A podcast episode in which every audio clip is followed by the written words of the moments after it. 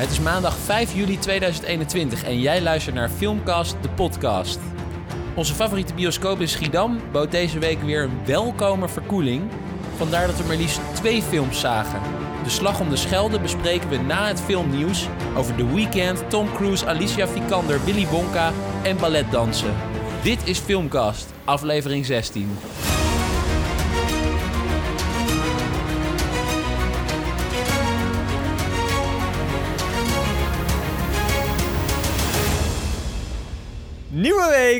Nieuwe kansen.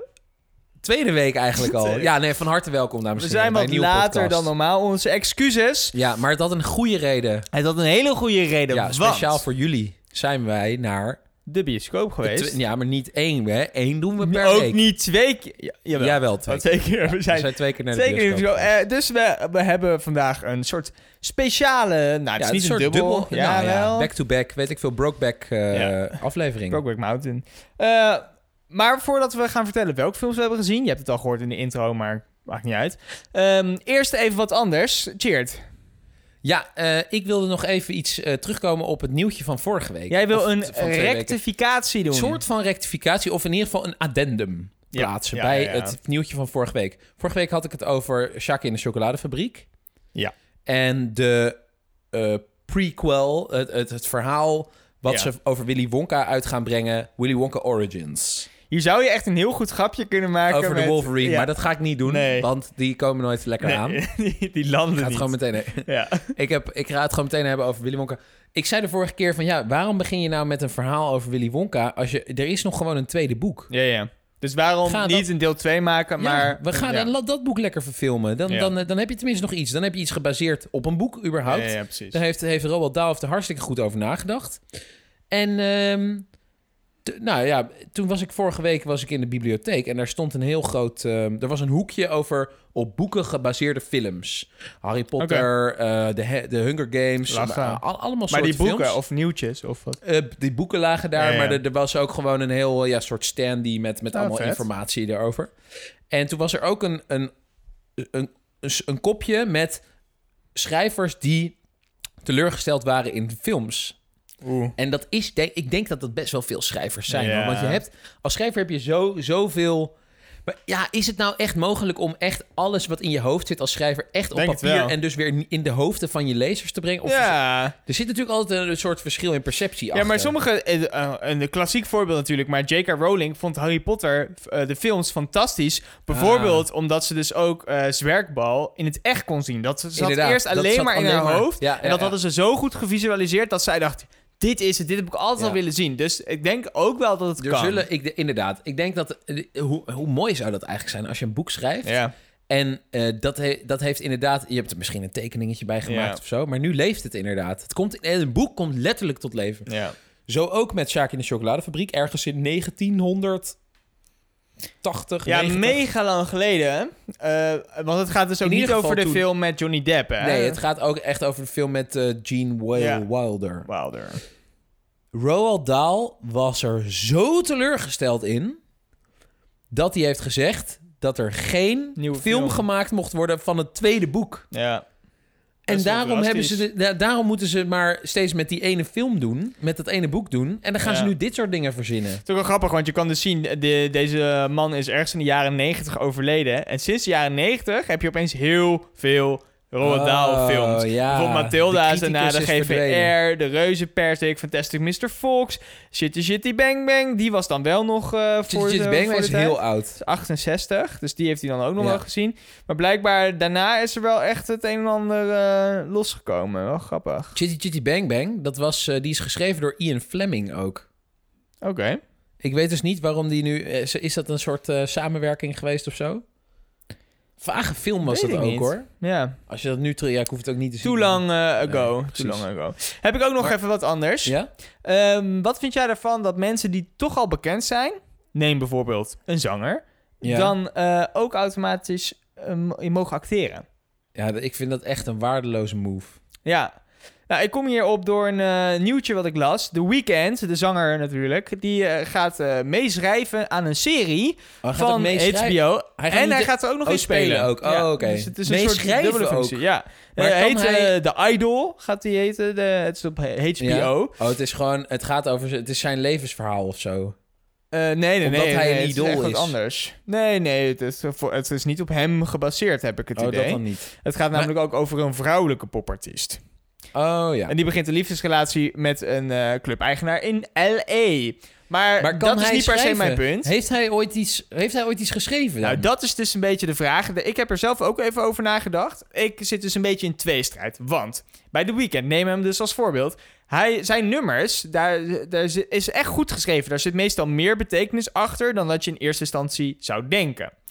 Ja. Eh, dus bij The Weeknd ben ik in de, soms heb ik dan een beetje de neiging. Nou, misschien is het wel een goeie. En zijn videoclips zien er ook. Het doet, ze speelt hij altijd zelf in, in zijn videoclips ook. Dus misschien is het Maar ook wel een, goede videoclip. Een videoclip duurt, duurt drie Ja. minuten. Daarin hoef je helemaal niet een... Geen storytelling te Nee, precies. Ik bedoel, hij zingt. Ja, dat is, dus een beetje de tweestrijd die ik heb. Maar ja, dus En dat als je wil het schrijven, beetje. dan begin je toch eerst met een column in een, in een plaatselijke eh, sportkrantje Ja. of zo. Maar zoals Waarom jij dan- ook al eerder zei, gooien ze niet een beetje alle kunstvormen op één hoop? En is het, als je dit kan, oh, maar dan kan je ook wel dat en dat en dat en dat en Maar dat. dat is natuurlijk helemaal... Ik bedoel, kunst is zo ontzettend breed. Wie, wie zegt dat Ja. jij, als jij... Oké, hij kan dan... Hij kan in ieder geval zingen, dat weten we. Ja. Nou ja, zolang dat, dat niet ziek geauto-tuned is, maar goed.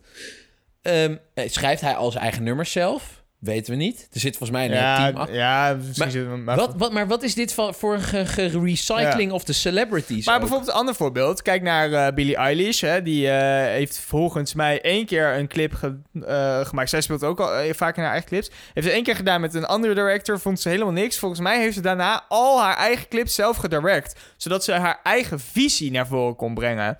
Dus Ja. er zijn denk ik dus wel voorbeelden van mensen die Nou het maar allebei kunnen. aan de andere kant... Kijk, ik begrijp best dat als jij een, een liedje schrijft... en je hebt daar een bepaalde videoclip bij... dat je zelf inderdaad een bepaalde visie hebt... en je Ja. wil dat dat klikt. Dus in die zin snap ik best dat zij best wel de eigen videoclip Ja, kan regisseren. Maar dat... de- Je hebt natuurlijk zo ontzettend veel mensen... en zo ontzettend veel ehm, eh, interessegebieden... dat, ja, wie zegt dan dat zij... Want die, die, die maker van die videoclip... die ze dus de laan uitgestuurd heeft... ja. Die zal ongetwijfeld ook hele mooie dingen gemaakt hebben. Ja. Het is niet per se zo dat... eh, Zij, vond gewoon dit, dit er beter nu bij passen. Maar dat betekent niet dat Billie Eilish ook daadwerkelijk Nee, dat klopt. beter is in het maken van films dan zo'n filmmaker. Nee, maar zou het ook niet andersom gebeuren? Dus bijvoorbeeld, ehm, eh, want nu hebben we het dan over eh, nou, zangers of zangeressen die zijn gaan acteren. Zouden we ook niet vanuit andersom, dus een acteur of een actrice die juist is gaan zingen? Omdat, ja, ik weet het want het niet. is toch, kijk, H- eh, HBO doet het waarschijnlijk ook. Die, The Weeknd is natuurlijk, heeft al een enorme fanbase, dus die maakt dat gewoon in de hoop dat hij die hele fanbase denk daarin mee kan trekken. Precies, ik denk dat het hetzelfde is. Het, het is sowieso een commerciële move. Ja, dat kan niet anders. En het- de, de, ik denk dat om precies dezelfde reden... dat ze nu allemaal van die vloggers nu een plekje geven op de televisie en in films. En zo Knol Ja. in die Angry Birds film. Je hebt die Kai Gorgels of zo... die heeft allemaal ex-sex, ex-on-the beach dingen zitten presenteren. Ja. Dat is omdat dit zijn een beetje self-made me- mensen. Die hebben dus een fanbase die puur bij, dat, Ja. bij die persoon hoort. En als je vanuit een film... Als je, dan, dan zit je al in een team natuurlijk. Een film gaat nooit alleen maar over één persoon. Als je vanuit een film dan in één keer gaat zingen...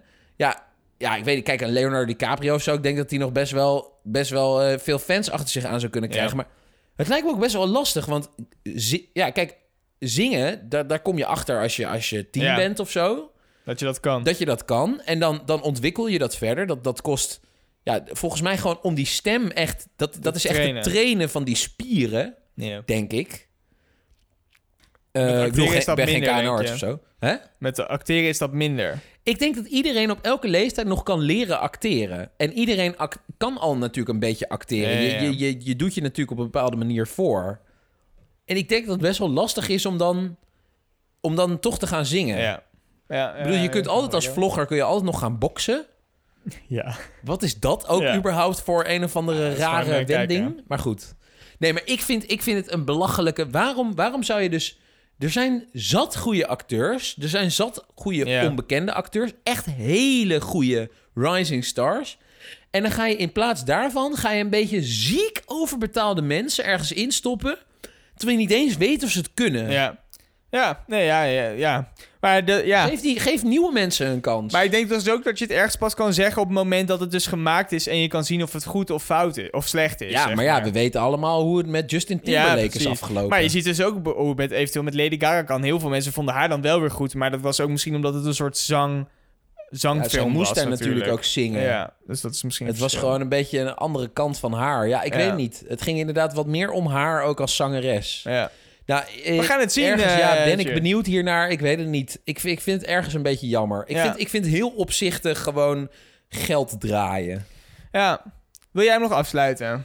Ehm, ja, ik wil, nou, ik wil nog heel... Hebben we nog tijd? We hebben nog... Heel eh, kort. Nou. Eigenlijk niet. Oké, ik doe het heel kort. Het leek me ook leuk om een soort rubriekje onofficieel te doen met eh, nou, wat, er te- wat er op de streamingsdiensten te zien is. Ja. Van wat mensen thuis. eh, Heb je even dan? Heb je even? Nou, we beginnen bij de A. nee, toevallig wel bij de A. Ehm, ik zag laatst een film op Netflix, American Made. Met Tom Cruise. Terwijl ik, ik vind Tom Cruise zelf oh, helemaal, helemaal niet echt per se. Ik vind hem geen sympathieke gast. Hij is in deze Hij film een fantastisch. Hij speelt, hij speelt superleuk.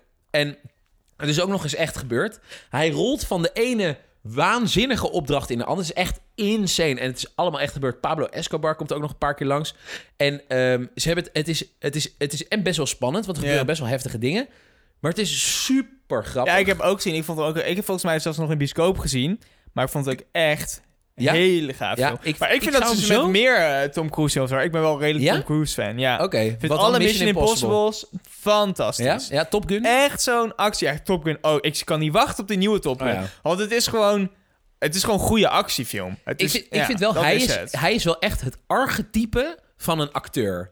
Hij is gewoon de, de allerbekendste, echt meest, meest centrale acteur die er is. Maar wat ik dus ook... eh, Hij maakt dus wel echt o- eh, redelijk over de top actiefilms. Maar omdat hij heel veel stunts zelf wil uitvoeren... eh, komt het nooit heel nep over. Ik vergelijk het Ah, bijvoorbeeld ja. met Fast and the Furious... waar, waar je... Nou, Waar je dan drie flikvlaks ziet Ja, en dan zie je het Vin gewoon Diesel niet zo mee flop kan. het beeld Juist, in. eh, precies, ja, waar die eh, honderdduizend meter verderop springt. Kijk, dat allemaal al Oh, oké, dus, maar hij doet dus bedoelt heel veel binnen zelf. wat Tom Cruise kan, worden de stunts gedaan en daarom is het niet, niet super over de top of zo. En daardoor lijkt het dus ook... Alle dingen die je ziet, kunnen dus ook echt gebeuren. Want het gebeurt Inderdaad. ook echt. Ja, hoewel, wel- ik heb hem wel in Mission Impossible heb ik hem uiteindelijk eh, ergens aan de buitenkant van een vliegend vliegtuig En dat is dus hangen. echt gebeurd. Nee. Ja, ik zweer het. Ga maar Is dit vlieg... Heeft dat vliegtuig echt gevlogen? 100% Serieus? Ja, alleen dan zit hij natuurlijk in die film. Zie je hem alleen met Zit zijn vast? handjes. Maar hij zit, hij zit met een harnas vast. Maar dit Hij zit aan de dus buitenkant van gedaan. vliegtuig. Ja. Nou vind ik echt mad Op. YouTube heb je allemaal clips eh, ervan. Maar dat is wel moeite waard. Maar nou, leuke maar film deze dus. film Ja. echt... Ik dacht, ik ga gewoon kijken. Ik had er eigenlijk geen zin in, want ik dacht, huh, zo'n Netflix Ja, film. ja, ja. Echt, ik, eh. Super, super leuk. Twee, tweeënhalf uur. Ik kon er geen genoeg van krijgen. Nice. Ga Nou, hem kijken. gaan we doen. Voor de volgende categorie heb ik een actrice meegenomen. Is het onze eerste actrice of hebben we er Het al is onze eerste gehad? actrice. Want vorige keer Oh, waren we yes. nog aan weer allemaal. Ja, allemaal mannen.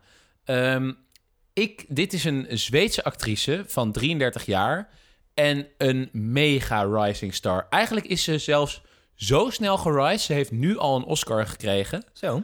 Eh, nou, nu al, sterker nog, die heeft ze al in 2015 gekregen. Zes Jeetje. jaar geleden. Dus toen was ze 27... 26. 27. 27. Op je 27 gewoon een Oscar krijgen. Voor welke film Maar dan? eh, de Danish Girl. Ik heb het over Alicia Vikander. Zweedse actrice. Ze speelde eerst ballet. Dus ja, ook weer een beetje uit, hè, uit eh, nou ja, niet per se het zingerswereldje, maar wel het danserswereldje. En ze heeft een paar ehm, blessures opgelopen. Ze is geopereerd geweest aan haar voet en aan haar rug. En toen heeft ze besloten niet meer te balletdansen. Ik weet niet of ze het echt niet meer kon. Dan maar een Oscar. Dan maar een Oscar. ja, precies. Ik bedoel, eh balletdanser die een Oscar krijgt, dat heb ik niet zo vaak gezien. Heeft Dus, eh, Eddie ook niet een Oscar keus. daarvoor ontvangen? Eddie? Eddie Redmayne. Ik vond hem namelijk Dat zou best- Ja, Nou, heeft ja? ook Oscar voor gewonnen, ja. Oh, zo prachtig, alle twee. Nee, hij was laat mij eigenlijk nou beter in die film joh. dan haar, toch? Nou, nee, maar weet je wat het is? Zij zat daarvoor, zat ze in The Man from Uncle, UNCLE. Fantastische film. Echt super leuk. Ja, dat klopt. Ehm, die, als, je, als je die niet hebt gezien, moet je sowieso kijken met Henry Cavill en Eens, Armie ja, Hammer. ja, ja. Eh, en mega gaaf over de Koude Oorlog, geloof ik. En het IJzeren Gordijn en Berlijn en bladibla. ja, Ehm, het is en dus een Russische agent en een agent. Die moeten samenwerken. Ja, en daarin speelt zij echt... eh, Ik vind haar een beetje lijken op... ehm, hoe heet zij nou? Van Emilia Clarke vind ik haar een beetje lijken. Alleen ik vind Oh. dus... Ik vind Alicia Vikander vind ik een beetje de serieuzere Emilia Clarke. Emilia Clarke is echt een beetje crazy. En die speelt... oh, ja, ja, ja. zij is een ja, beetje klopt crazy. wel. Zij is een beetje gek. met die, met die rare... eh, Ja, nee, eh, klopt wel. nou, Ik vind haar helemaal daar niet op lijken. Nou, ik, zo, nee, maar totdat ze speelt. En het grappige is dus, zij is dus Zweeds, Alicia. Maar zij spreekt fenomenaal. Ik weet niet wanneer zij eh, Amerikaans Engels. geleerd heeft, maar eh supergoed in ieder geval. En ze speelt, ik, vind haar gewoon heel authentiek overkomen. Ze is mega badass. Ze heeft ook in een nieuwe Tomb Raider gespeeld. Ja, En ze kan van alles. Ze kan dus de girl next door zijn in A Man from Uncle. Ze ja kan precies. eh, ehm, eh, de eh, ontzettend, nou, hoe moet je dat noemen? Geïntrigerende mens-robot spelen Ja. in Ex Machina Klopt. met Domhnall Gleeson. Het gaat ook een beetje echt- van actiefilm naar Nou, drama. gaat- oh, naar, all eh, over ja, the place. wel, ja, grappig. En toen eh, werd ze dus genomineerd in 2015. En toen heb ik ook mijn geld... Het is, we hadden een wedstrijdje met Cinemac. Ik heb haar sowieso... Ik wist zeker dat zij hem zou gaan winnen. voor de, voor de Gewoon Oscar. puur omdat zij een, een hele goede actrice is. Ja. Wel een beetje vroeg hoor. Ik bedoel, op je 27ste is het dan niet al... Of 26? Piek je dan niet te vroeg? Precies. Ja, weet ik niet. Wat moet je dan doen nog? Maar wat heeft ze daarna allemaal nog eh nou, uitgevoerd? daarna heeft ze dus niet zo heel veel gedaan. En wanneer? Dat was in 2015. Dat is 2015, 2016, 17, 18, 19 heeft ze wel een aantal films gespeeld, maar niet echt hele grote Oh, ja. dingen. Hè, dan heb je het dus over die... ehm, Misschien gaat je tarief dan in één keer mega omhoog en wil niemand dat je meer zou hebben. kunnen, ja, ja, ja. Terwijl dat is zo zonde. Ik vind haar... daar- Ja. zij, zij is echt een rising star en ik denk dat we nog ontzettend veel van haar gaan zien. Maar vooral gewoon omdat ze een hele sympathieke, maar ook echt een hele leuke Ja. jonge actrice is. En één film eh, die je moet zien van haar. Ja, Man from Uncle. Die Ja? moet je echt... Ja, daarin is ze eigenlijk het allerleukst. Ik vind haar in. Ex Machina vind ik haar iets te mysterieus. Daarin heeft ze ook niet zo'n hele grote rol. En daarin is ze niet zo mooi, want zij heeft, zij is, heeft dus een, een robotlichaam Ja. met alleen een menshoofd. Ah, ja. En daar heeft ze niet... Ze heeft heel Maar mooi speelt haar. ze die zelf wel? Ik denk het wel. Ik denk dat ze wel in zo'n pingpongballen kostuum heeft rondgelopen daar. Maar in Man from Uncle moet je echt zien. Daar is ze zo superleuk en badass. Ze neemt die, die twee gasten, die, die neemt ze op sleeptouw door, door heel Berlijn. Zij fixt alles. Grappig, ja. Ehm, misschien dus wat te vroeg. Guy Ritchie film ook, hè? Dus, wat zeg je? eh, Guy Ritchie.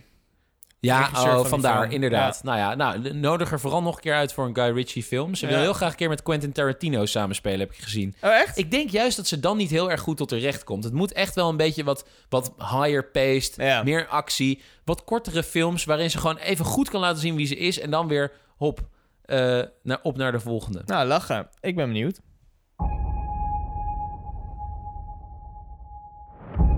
Three airborne divisions, 35,000 men in military aircraft would landed in Holland, 64 miles behind enemy lines, with one objective to put an end to the dark tyranny that has held Europe in its grip for nearly four years.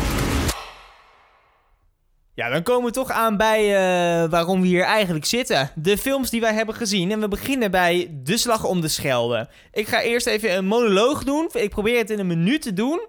Eh, wat, wat, eh, wa- wat ik van deze film had verwacht versus wat het uiteindelijk deed. En waarom me dat enorm is tegengevallen. Eh, het begint allemaal, de trailer komt uit. Dat is eigenlijk al voor de hele corona-periode. Eh, dat was ook de plan, hè, dat hij daarvoor al eh, wel uit zou komen. De één na duurste film aller tijden in Nederland ooit gemaakt. Was toch de duurste? Nee, dus de ene duurste, het enige wat nog duurder was, 2 miljoen duurder, was Zwartboek. Deze film was 14 miljoen euro. Dan heb je het Man, echt man, over man. een mega budget voor Nederlandse films. Gaat dus over de Slag bij de Schelde, dat zegt het eigenlijk al. De bevrijding van Nederland, groot deel. ehm, eh, nou ja, gaat het toch wel over de eh, geallieerden wilden hun mannen bevoorraden. Daarvoor hadden ze toch echt een haven nodig. Nou, de haven van Antwerpen was eenmaal in beslag genomen. Maar de toegangsweg eigenlijk daar naartoe, hè, dus in Zeeland daardoorheen, of bij Zeeland in de buurt, dat kon nog niet. En dat moest bevrijd worden. Nou, dat zie je in de Slag om de Schelde. Eh, zoals ik al zei, de trailer kwam. De trailer zag er echt goed uit. Een paar bekende gezichten. Zo ook eh, Tom Felton uit de Harry Potter serie zat Ja, erin. hij was wel echt de verkoper Oh, zo, van deze eh, film. dat is, dan heb je het al over. Nou, maar Gijs Blom, waar ik de vorige keer nog heel monoloog over heb gedaan. Omdat ik dat zo'n eh die we vorige keer nog wel vind. heel leuk vonden. Ja, zit erin. nou, hele di- diverse cast. Je zou zeggen, nou, heel veel ingrediënten voor een succesverhaal.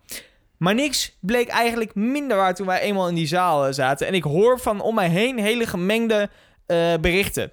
Dus ik weet niet of het komt omdat wij gewoon heel kritisch zijn... of omdat er echt wat mis was met maar die je film. kent meerdere mensen die deze film dus al gezien hebben. Ja, en die vonden het meestal wel gewoon eh, wel Hoe goed. kan dat nou? Nou ja, omdat het is in principe, begrijp me niet verkeerd, een prima film voor als je hem gaat kijken. Alleen had ik er echt meer van verwacht, mede door het hoge budget. En als je een hoog budget in Nederland scoort, dan heb je dus veel fondsen aan jouw zij gekregen. Betekent meestal Ja, de- dat jij een hem goed, script gepitcht, hebt. Inderdaad. En dat, ja, veel goed mensen zijn elkaar. er door overtuigd geraakt. Daarom. Dus Maar voor het filmen dus, zeg maar, misschien Ja. is het op papier gewoon een hele goede film geweest. Nou, dat vraag ik me dus af. Want een van de dingen die ik niet zo chill vond aan deze film... is ze proberen, dat staat ook in de synopsis hè, van deze film... drie verhalen gaan vanaf het begin en dan komen ze aan het einde bij elkaar. Eén, het verhaal is van de Engelse piloot. Tweede is van de Nederlandse jongen die bij de Duitsers gaat vechten... omdat hij eh, nou, daarin gelooft, in hun, in hun doel. We weten eigenlijk niet helemaal zeker, volgens mij, hoe die daarbij is gekomen. Nou, ja, wel, want hij zegt dat aan het was me echt totaal Nou, hij zegt op een gegeven moment dat, eh, eh, dat hij belachelijk vindt dat zijn ouders maar zo hard moeten werken en er eigenlijk niks verandert ge- eh, in hun leven. En waar stond de, de, de partij van, eh, van Hitler stond voor? Dat je, eh, dat, dat, dat je bij de vrij. ja, superiëren, dus je, hard werken zorgt voor een goed leven. En jij hoort gewoon een goed leven te hebben. En het derde verhaal is van het Nederlandse meisje... wat opeens dus bij de, De verzetsstrijder. verzetsstrijders komt. En die verhalen die beginnen allemaal op aparte stukken... en die komen uiteindelijk... proberen ze die soort van aan elkaar te knopen aan het einde... Dat is denk ik een vergissing geweest. Want als je maar één van die verhalen had gepakt... dan had je denk ik een hele goede film. En had hij dan van de Nederlandse verzetstrijder gepakt. Want dat verhaal zit al redelijk goed in elkaar. gaat over die meid. Die heeft een broer. Die broer wordt op een gegeven moment opgepakt. Die vader is arts voor de Duitsers. eh, maar wel eh, een, beetje onafhankelijk. Hè? Dus hij gelooft niet precies in hun, eh, per se in hun, in hun doel. Maar is wel bereid om hen te helpen. Maar helpt ook de, de, de andere mensen. Dus de Nederlands in dit geval. Ehm, en dat is dus een goed verhaal. Dan heb je gewoon een Nederlands verhaal. Eh, en dat kan je ook gewoon goed uitkleden. Maar dan kan je identificeren met de mensen die spelen. Maar wat ze dan in plaats van doen is... dan ga je in één keer naar, naar Engeland. Sta je daar op een legerbasis... met blijkbaar iemand die de zoon is van de corporaal... die eigenlijk misschien niet mee mag. Of van de kapitein, wie er dan ook is, van de generaal. Eh, en mag die toch opeens mee zitten. Ze opeens in de lucht. Dat verhaal vind ik heel onduidelijk. Heeft waarschijnlijk ook heel veel geld gekost. Want daarvoor moesten ze helemaal Engeland. vliegscènes Allemaal in. vliegtuigen. Daarvoor hebben ze Tom Felton natuurlijk ook Tom. Felton moest daarin. Eh, eh, en voor mij, voor het verhaal, voegt het niks, maar dan ook niks toe. In, dit, in, dit, in, de, in het hele verhaal voegt deze hele persoon niks toe. Dat is zo jammer. En dat verhaal van Gijs Blom vind ik dan wel weer sterk. Dus misschien had je het dan op twee verhalen Want Gijs Blom was dus die, die ene NSB-jongen. Ja, precies. En, wat, wat, en ik vond hem...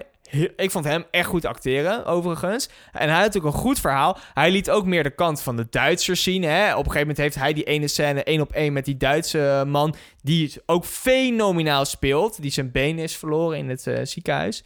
En dus ja, Ja, maar nou, ik vind vooral die man, die vind ik gaaf spelen. dat zeg ik. Oh, die, man, die Oh, Duitser, ik dacht die dat speelt jij, jij bedoelde fenomenaal. dat Gijs... eh, Nee, Gijs speelt ook gewoon eh, goed, vind ik. Maar, dat als je is daarbij zo'n houden... rustige acteur... Die ik vorige keer... Sean Pertwee had hem heel goed gespeeld. Oh ja, grappig. Maar ik vind dus, als je die twee verhaallijnen van dat Nederlandse meisje... wat opeens bij het verzet komt, ook via via... eh, maar wel met zo'n Nederlands gezin waarvan de broer wordt opgepakt... dat geeft haar ook motivatie. En deze eh, jongen eh, die eh, gelooft in het doel waar, waar de Duitsers voor vechten... en zich daarom daarbij aans- aansluit... als je die samen wat meer had uitgekleed... want uiteindelijk komen zij ook soort van... nou, niet samen als stel, maar zij eindigen samen de film, hè. Dat was een perfect verhaal geweest. Had je dat meer uit kunnen kleden... eh, had je echt daarop kunnen focussen... en dan was het voor mensen, denk ik, een heel ehm, emotioneel verhaal... waar je echt aan, ja, in kan leven. Dat hele Engelse stuk, dat neemt nou letterlijk een derde van deze hele film eh, op. En het voegt niks toe. Tom Felton wordt ervoor ingevlogen. Die zie je de halve film op een fucking niet eens de halve- opblaasbedje eh, rondgedouwd Ja, hij worden. wordt op een gegeven moment, dan eh, raken ze in een crash en dan verliest hij zijn been of zo. En dan vervolgens wordt hij alleen maar rondgedobberd Ja. door een onder water gelopen Zeeuws eh, dorpje. Dus het is me niet helemaal in één minuut gelukt. Maar daarom vond ik de film ook jammer. En ik vind dus dat je dus ook heel goed zie, kan zien waar het budget in deze film is naartoe gegaan. En dat heb je dus toch veel in bijvoorbeeld die vliegtuigscènes en die gevechtscènes. Ze hebben, denk ik, deze makers ook een paar eh, films gekeken over de oorlog en daar elementen uitgehaald van, oh, dat ziet er vet uit, dus dat wil ik ook. Waaronder de slow-motion beelden op het vechtsveld, bam. En dat doen ze in deze film iets van vier keer, omdat het er vet uitziet. Prima, maar dat had ook twee keer gekund. Had je een hoop geld in het verhaal kunnen stoppen, in plaats van in per se in die scènes. En dat maakt die film zo jammer, want alle ingrediënten, de acteurs ook gewoon go- goede kwaliteit. Alle ingrediënten liggen er om een topfilm van te maken, maar ze hebben gewoon echt te veel te willen doen. En ja, dat, dat is toch zonde. Ja, en, en ik denk dus dat ze daarmee wel heel erg de focus hebben laten afdrijven van waar het om zou kunnen gaan. Ja. En volgens mij had je helemaal niet veel budget hoeven stoppen. Puur in tegen dat meisje zeggen dat ze niet zo'n ontzettend raar halfbakken Zeeuws accent Ja. moest opzetten. Oh. En iedereen, ja, dit is dat het in Zeeland zich afspeelt. Maak dan gewoon één Ja. keuze. Zeg dan gewoon, oké, we praten of ABN Ja. of allemaal Maar niet tegelijkertijd. Ga daar een maand wonen. Ga met die mensen praten. eh, volg hun adviezen op. Ja. En kom als een zeeuw terug. Maar nu was het gewoon... De, de ene die kwam... Nou, volgens mij had hij eer- eerder een Gronings accent. Ja. De ander was meer een Twentenaar. En zij heeft dan zo'n half Zeeuws accent... wat ze eh, halverwege de film in één keer... als donderslag bij heldere hemel verliest. En ja, dat had helemaal niet veel tijd hoeven kosten... om haar dat een beetje duidelijk te maken. Nee, En, daar, en, en dat is dus een deel van het probleem wat ik met deze film heb. Is, oké, je had drie verhalen kunnen doen. Je had het ook nog wel misschien dan op deze manier bij elkaar kunnen laten aankomen. Maar wat gebeurt er eigenlijk in die film? Hij duurt, hoe lang duurde die? Meer dan twee uur. Ja, Tweeënhalf of zo. eh, We hebben echt film. een tijd daar twee uur en gezeten. vier minuten. Nou, oké, dus dat, wat is dat? Drie kwartier of zo per? Nee, dat is dan eh 40 minuten per, persoon. per persoon. Ja. Ik heb dus het idee dat ik deze personen totaal niet heb leren kennen. Wie, wie zijn dit? Het is gewoon Ja. een willekeurig eh, bleek meisje... die daar tussen de, tussen de kogels Ja. door een beetje probeert... een of andere kaart te stelen in een... Ja, wat is het ook voor simpel Nou ja, verhaal, man? heb je het ook even over die kaart? Dat vind ik juist zonde, want deze film heeft eh, bijna alles behalve een goed verhaal. Want ook, ze gaat op een gegeven moment, moet ze een kaart stelen op het, eh, op het eh, hoe noem je dat? Het huis van de gemeente, gemeentehuis, huis van de gemeente, hoe noem je dat? In het gemeentehuis. En in het gemeentehuis Huis van lopen, bewaring van kaarten. lopen allemaal Duitse soldaten rond. Dat is heel gevaarlijk. Dus je denkt, nu komt er een spannende scène. Misschien Ja. wordt ze wel betrapt. Echt spannend. Dat Goeie gaan ze muziek. vast heel spannend maken. Vijf seconden later vindt ze de kaart, stopt ze in de tas en loopt ze. En dan denk je, En hè? er is niemand die eh, bij de Niks. poort vraagt van... Zo, jongen, Daan, wat heb jij in je tas En zitten? dat gaat niet om per se sensatie te creëren, maar dat laat wel zien dat... Dan hebben ze waarschijnlijk opeens haast in die film. Maar dat soort momenten moet je juist Ja. die spanning opbouwen. Want die tijd was ook zo spannend. Dat is gewoon een, een beslissing die ook kan voor zorgen dat je morgen tegen de muur staat. Maar nee, moeten ze even snel doorheen. Want ze moeten nog drie andere verhalen vertellen. En dat is zo jammer. Ik, ik denk dat ze gewoon eh, de meest recente oorlogsfilms, bijvoorbeeld Fury en eh, 1917, en eh, hadden we er laatst nog een, eh, de, die van Christopher Nolan, Dunkirk. eh, Dunkirk, die hebben ze bekeken en toen dachten ze, ja, hallo, dit gaat allemaal een beetje over Nederland Ja, en ja. zo. Maar er, we- we- de- er is geen ook. Nederlander aan te pas gekomen. Ja. Dus eh, wij kunnen dit ook. Ja. En dan doen ze ver- vervolgens denken ze, nou, wat hoort nou bij een oorlogsfilm? Nou, oorlogsfilm is vooral heel veel schieten en knallen. Maar in plaats van dat je een mooi, goed overzicht geeft met dronebeelden en een, Ja. en, een, en een camera die over het slagveld gaat. Ik heb het hele slagveld niet gezien. Nee. Het enige, letterlijk, ik denk dat ik 25 minuten lang aan het einde in een of andere loopgraaf heb lopen Ja. bo- banjeren. Waarbij dan stukken aarde continu de lucht in vliegen. Ja. Knal links, knal rechts. Ja, daar is dan Wat veel is budget in. En het is ook jammer, want aan het begin is heel duidelijk het doel. Die haven moet kunnen worden bereikt. Dus daarom moet die Schelde worden leeggeruimd hè, Mhm. van, de, van de Duitsers. En daar zijn ze eigenlijk de hele film mee bezig. En aan het einde zie je dus eigenlijk niet meer de conclusie van het hele verhaal. Wat had je graag aan het einde willen zien? Nou, die boten die misschien die haven kunnen bereiken, of dat er weer voorraad is, of weet ik wat, gebeurt allemaal niet. Het is in één keer aan het einde ook over, ook op een hele rare manier, maar dat gaan we niet vertellen. Maar het is zo jammer, want door dat soort dingen. En again, kijk naar de acteurs. Bijvoorbeeld, neem ook die vader, vond ik ook heel goed spelen. Dat is dus Jan Bijvoet, Nederlandse acteur, die ook heel veel in het buitenland doet. Peaky, eh, Peaky Blinders heeft hij ingezeten, eh, om maar iets eh, te noemen. Hè. Echt, echt grote films ook. Letter of the King, eh, waar ook die Gijs in zat, Ja. heeft hij ook gezeten. Maar best wel een bekende acteur. En hij speelt ook echt goed. Die Gijs vond ik ook goed spelen. Daarnaast allemaal acteurs uit het eh, buitenland ingevlogen. Engeland, Canada. Ze zullen er allemaal vandaan komen. Dus die ingrediënten zijn er allemaal als je maar een goed verhaal had. Ja, en ja, zorg dan niet dat je protagonist alleen maar bezig is met dat valse accent... in plaats Nee. van dat ze echt bezig zijn met acteren. Precies. Ik heb geen enkele keer echte angst of, of eh, opwinding Nee. of wat dan ook in die ogen gezien. Nee, en dat is jammer, want eh, die, de, zeg maar de, de, de, het verhaal wat je ziet zou mooi kunnen zijn. Het is niet per se dat ze een slecht verhaal hebben gekozen. Het is alleen niet goed uitgelegd. Want Ja. ik vind het heel sterk dus dat het een gezin is. Die jongen in dat gezin is heel gefrustreerd. Die gooit op een gegeven moment een steen door een ruit. Maar dat is raakt een eerste Duitser. vijf minuten. Ja. We weten niet waarom Nee, hij dit doet. We weten niet wat voor Ja. karakter dit is. Het is allemaal... Al die karakters zijn echt zo plat als een dubbeltje. Daarom hebben we nooit echt mee kunnen voelen met Nee. iemand. Dus als ze dat echt wat sterker hadden ingestoken, hun wat meer background hadden gegeven, puur gefocust op eh, het meisje wat eigenlijk helemaal niet bij het verzet wil, maar er soort van wordt ingetrokken. eh, eh, versus ook de jongen die voor de Duitsers gaat omdat hij in dat doel gelooft. Dan heb je twee kanten van het verhaal. Waar je echt als, vooral ook omdat het echt een Nederlandse productie is, echt kan inkomen. En nu verspillen ze hun tijd met ja, heel veel actiescènes die er niet zo toe doen. Ga je nog een reis naar Engeland? Doet er ook Ja, eigenlijk ik denk niet toe. Die, die Tom Felton is gewoon een levend reclamebord Ja, geweest voor deze film. Ja. En vervolgens, wat ik vind, ik vind hem echt wel een hele leuk. Jij vindt hem niet zo leuk of Ik niet zo heel- goed spelen in die wel? film. Nee. Nee, want nee, maar je, je- hij krijgt de kans ook niet om goed Nee, te dus spelen. hij heeft een waardeloze rol. En waarom dan? Ja, dat vraag ik mij dus ook af. En dat is jammer, want er spelen wel meer rollen die hij ook had kunnen spelen. Had hem dan in zo'n eh, rol gestopt. Maar en dat soort dingen, dat staat me dan echt tegen. En dan denk ik, Ik denk dat ze gewoon niet heel veel budget hadden voor hem. Ik denk Ja. dat het een dure acteur is. Ze hebben hem op een vlot gebonden. Ze hebben een paar keer een scène van hem met hem op dat vlot gespeeld. Dat hebben ze door die hele film heen geknipt. Eh, in het eerste, in, nou, ik denk in het eerste half uur is hij al overleden.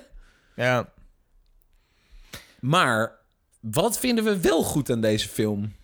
Nou, ik vond dus, als je kijkt naar Nederlandse films, dan erg je meestal heel erg aan het acteerwerk. Het enige waar we ons nu echt aan kapot hebben geïrriteerd is dus het accent. Dus dat dezelfde actrice of acteur het ene moment dus heel erg ehm Zuid-Hollands praat, of eh, nou, is dat Zeeuws. Eh, en de andere moment opeens ABN, eh, omdat het gewoon niet consistent bij hun in het, eh, in het hoofd zit. Wat ik ook begrijp, want het is niet makkelijk als je in één keer een accent op moet zetten. Maar had dan voor de sake van de film gezegd, spreek maar gewoon hoe je normaal Want, praat. want nu hebben wij als kijkers het ook uit? daar continu Ja. op zitten focussen. Heb je echt last van? Maar naast dus dat, vind ik dat ze echt stuk voor stuk heel goed speelden. Dat je echt een van de weinige Nederlandse films waar ik het acteerwerk echt heel goed vind. Ja, ik, ik ben juist helemaal niet te spreken over het act- acteerwerk. Ik vind het wat betreft een, een, een grote productie, vind ik het wel respectabel. Ehm, dat, dat dit van Nederlands bodem komt. Dat ze al die partijen hebben mee weten te krijgen. Waaronder door- Netflix trouwens, misschien leuk om te benoemen. Precies.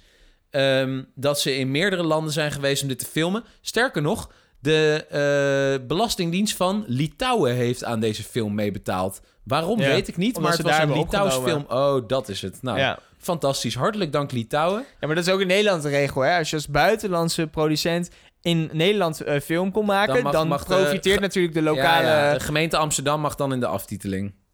Ja, maar je, je, je eh, profiteert van, omdat geld van die productie wordt natuurlijk wel in eigen land besteed. Ja, er worden tuurlijk. lokale mensen ingehuurd, Ja, er wordt eh, we grond gehuurd. Bodyguard ook. eh, Juist, en dan krijgen ze dan heel veel belastingkorting op. Dus het is een win-win. Precies. Nou, waarvoor dank.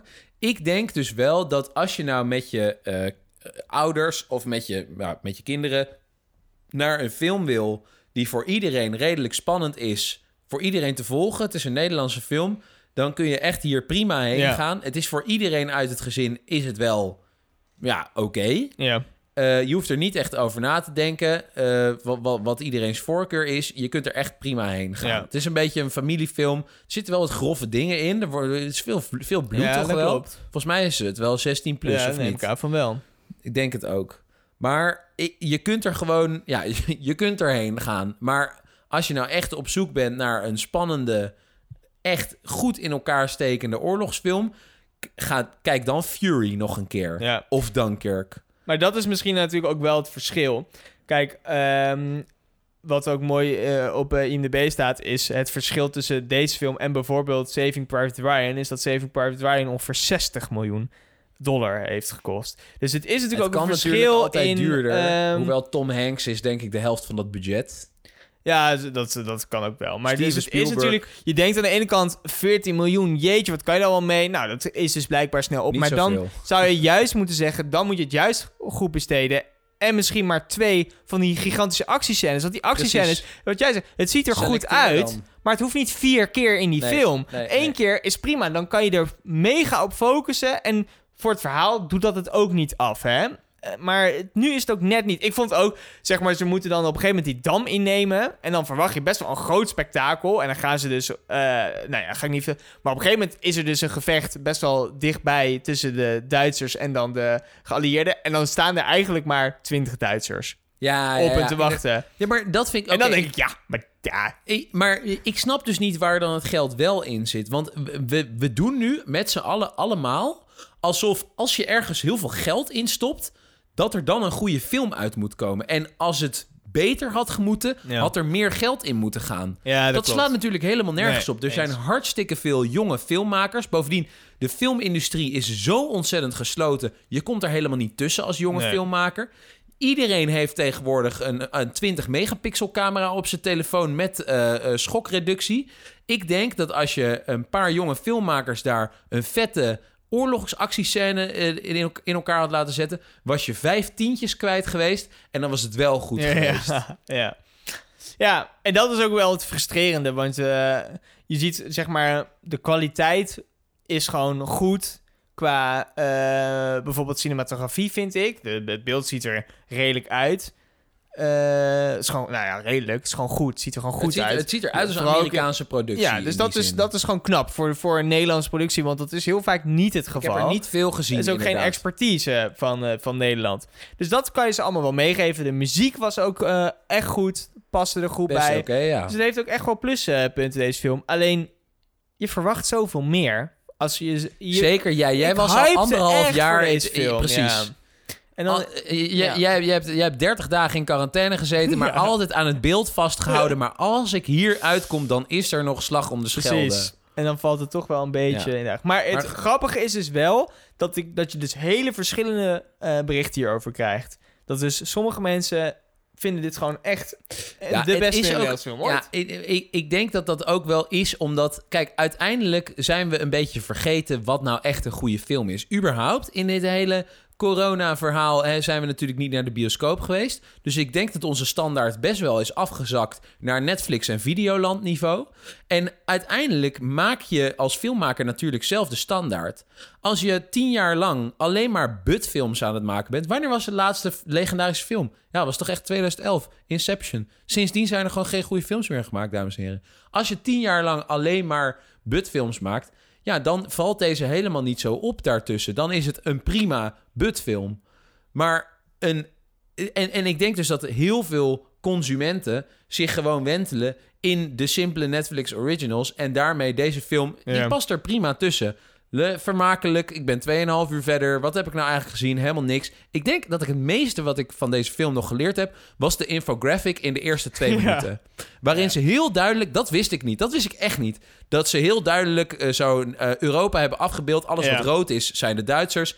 En op welk moment dan de geallieerden binnenkomen... daar bij Duinkerken. En op welke manier dat zo is verspreid over heel Frankrijk, België, Nederland. Ja. Dat, dat vond ik interessant. En ik vond ook En de rest hadden ze weg kunnen Ja, laten. en wat ik ook heel grappig vond, is dat dit best wel een specifieke natuurlijk film was op eh, de Schelde. En dat is aan het einde van de film, een van de eerste dingen die groot in beeld komt, is Nederland werd op 5 mei bevrijd. dat ik denk, ja, ik snap dat je dit erin doet, maar Ja. het past niet echt in die film, omdat het niet een film à la Operation eh, Market Garden, zeg maar. Daar had het wel, het past ook geweest. Nou wil ik nog wel even zeggen, het is, ehm, ze proberen natuurlijk met deze film, vooral ook omdat het veel fondsen aanspreekt, eh, proberen ze heel veel eh, dingen in één te doen. Je moet een, een, educatieve film maken, dus die ook Ja. door scholieren kan worden bekeken. Maar je wilt ook een aantrekkelijke film maken met daarin actie. Je wilt waarschijnlijk ook, omdat er toch eh, ook, nou ja, Engeland bij betrokken is, hè, wil je er ook bij, ja, wil je er ook bij betrekken. Dus er zijn ook wel ontzettend veel dingen waar je rekening mee moet houden voordat je deze film kan maken. Ik denk dus niet dat het zo zwart-wit is dat je zegt, ah, dit lijkt me een vet verhaal, dat schrijf je op en dan dit wil ik maken en dat je dan in één keer, nee, die had wil het dat idee- waarschijnlijk, die wil dit. Dus ik denk dat het maar wel... het wat argument is dan nu dus dat er zoveel was om rekening mee te houden... dat dat misschien een beetje roet in het eten gegooid heeft. Maar ik heb Misschien het idee wel. dat er, dat er eigenlijk te weinig ideeën waren...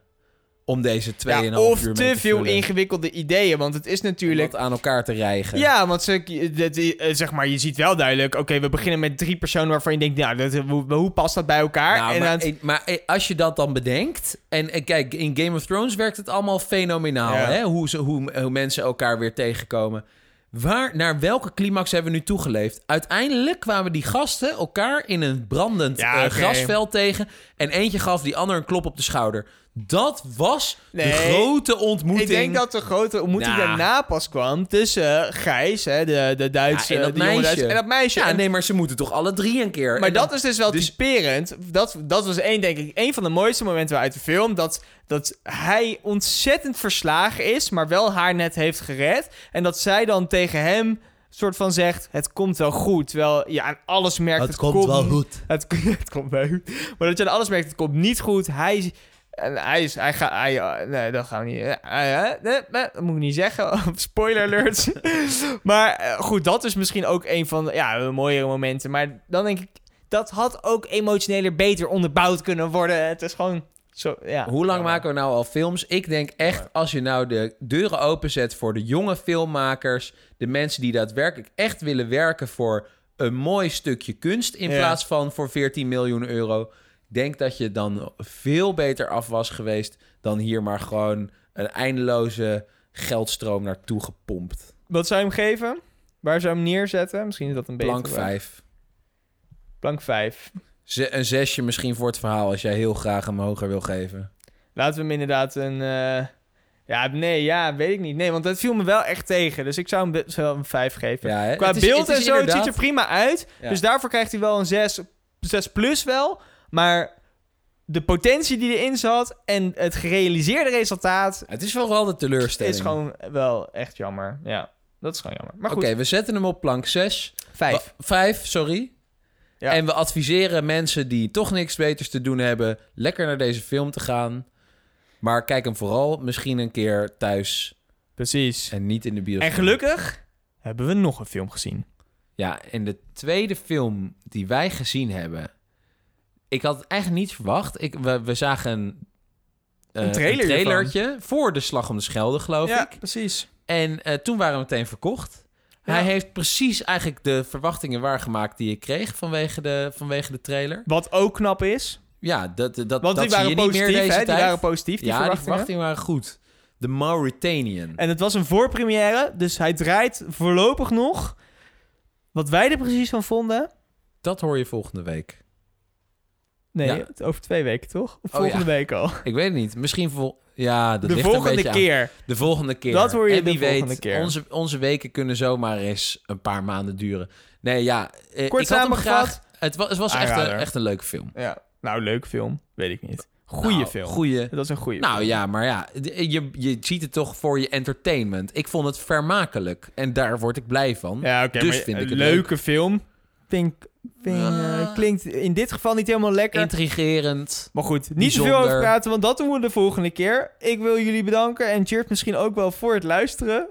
Ja, eh, heel erg bedankt voor het luisteren. Toch wel.